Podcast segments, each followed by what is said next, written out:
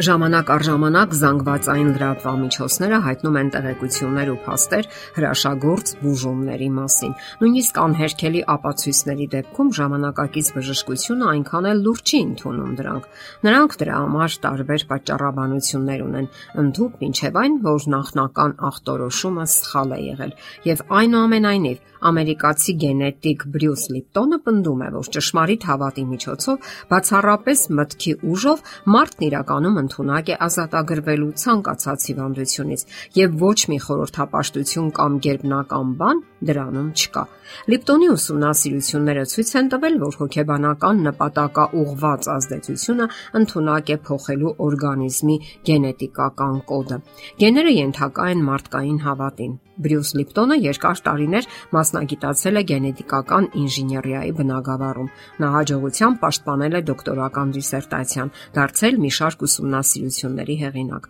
Այդ ամբողջ ժամանակ Լիպտոնը, ինչպես նաև ուրիշ գենետիկներ ու կենսաքիմիկոսներ, հավատում էին, որ մարդը համարվում է, այսպես ասած, կենսաբանական ռոբոտ, որի կյանքը ենթարկվում է նրա գեներում գրառված ծրագրին։ Եվ այդ տեսակետից գեները սահմանում են գործնականում ամեն ինչ՝ արտաքին տեսքի առանձնահատկությունները, ընտունակություններն ու բնավորությունը, հակվածությունը այս կամ այն հիվանդության հանդեպ եւ վերջին հաշվով կյանքի տևողությունը ոչ մեկը չի կարող փոխել իր անձնական գենետիկական կոդը, իսկ դա էլ նշանակում է, որ մեզ մնում է միայն հաշտվել այն բանի հետ, ինչ սահմանել է մեզ համար բնությունը։ Դոկտոր Լիպտոնի հայացքներում շրջադարձը տեղի ունեցավ 1980-ական թվականների վերջերին, երբ նա սկսեց փորձեր կատարել եւ ուսումնասիրել բջջային մեմբրանի վարքագծի առանձնահատկությունները։ Մինչ այդ գիտության մեջ համարում էին, որ հենց բջջի միջուկում գտնվող գեներն են որոշում, թե ինչ պետք է բաց թողնել այդ մեմբրանի միջով եւ ինչը ոչ։ Սակայն Լիպտոնի փորձերը ցույց տվեցին, որ արտաքին ազդեցությունները բջջի վրա կարող են ազդել գեների վարքագծի վրա եւ նույնիսկ փոփոխություններ դրանց կառուցվածքի մեջ։ Մնում էր միայն հասկանալ, կարելի է արդյոք նման փոփոխություններ կատարել հոգեբանական գործընթացի օգնությամբ կամ այլ կերպ ասած մտքի ուժով, հավատով։ Ըստ էության, ես ոչ մի նոր բան չեմ հորինել, ասում է դոկտոր Լիպտոնը։ Հարյուրամյակների ընթացքում բժիշկներին հայտնի է պլացեբոյի էֆեկտը, երբ հիվանդին առաջարկում են չեզոք նյութ եւ պնդում, որ դա դեղ է։ Արդյունքում այդ նյութը բուժական ազդեցություն է գործում, սակայն որքան էլ տարօրինակ է, այդ երևույթին մինչև օրս գիտական բացատրություն չի տրվել։ Իմ հայտնագործությունը թույլ տվեց այսպիսի բացատրություն տալ։ Դեղամիջոցի բուժական ուժի հանդեպ հավատի օգնությամբ մարդը փոխում է իր օրգանիզմում ընթացող գործընթացները, այդ թվում նաև մոլեկուլային մակարդակում։ Նա կարող է անջատել որոշակի գեներ եւ ստիպել, որ միանան մեկ ուրիշ գեներ։ Նա կարող է փաստորեն նույնիսկ փոխել իր գենետիկական կոդը։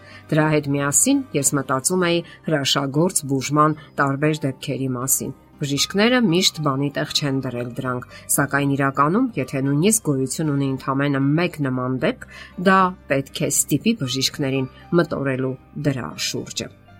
Ակադեմիական գիտությունը սվիններով ընդունեց Բրյուս Լիպտոնի այս հայացքները, սակայն նա շարունակեց իր ուսումնասիրությունները, որոնց ընթացքում հետևողականորեն ապացուցեց, որ առանց որևէ դեղամիջոցի միանգամայն հնարավոր է ազդել օրգանիզմի գենետիկական համակարգի վրա։ Այն գիտական ուղղությունը, որը ուսումնասիրում է արտաքին գործոնների ազդեցությունը գենետիկական կոդի վրա, ստացավ էպիգենետիկա անվանումը։ Եվ այնուամենայնիվ, գլխավոր ներգործությունը, որն ընդունակ ժամանակ է փոխելու մեր առողջական վիճակը, Լիպտոնը համարում է հենց մտքի ուժը։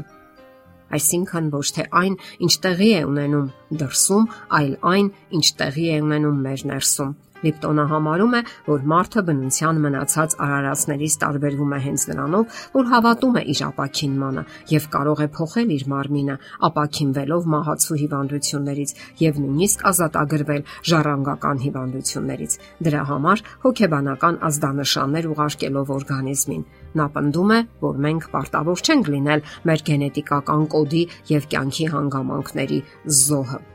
Եվ այսպես, մենք հավատում ենք եւ բուժվում, արդյոք ամեն ինչ այնքան པարզ ու հեշտ է։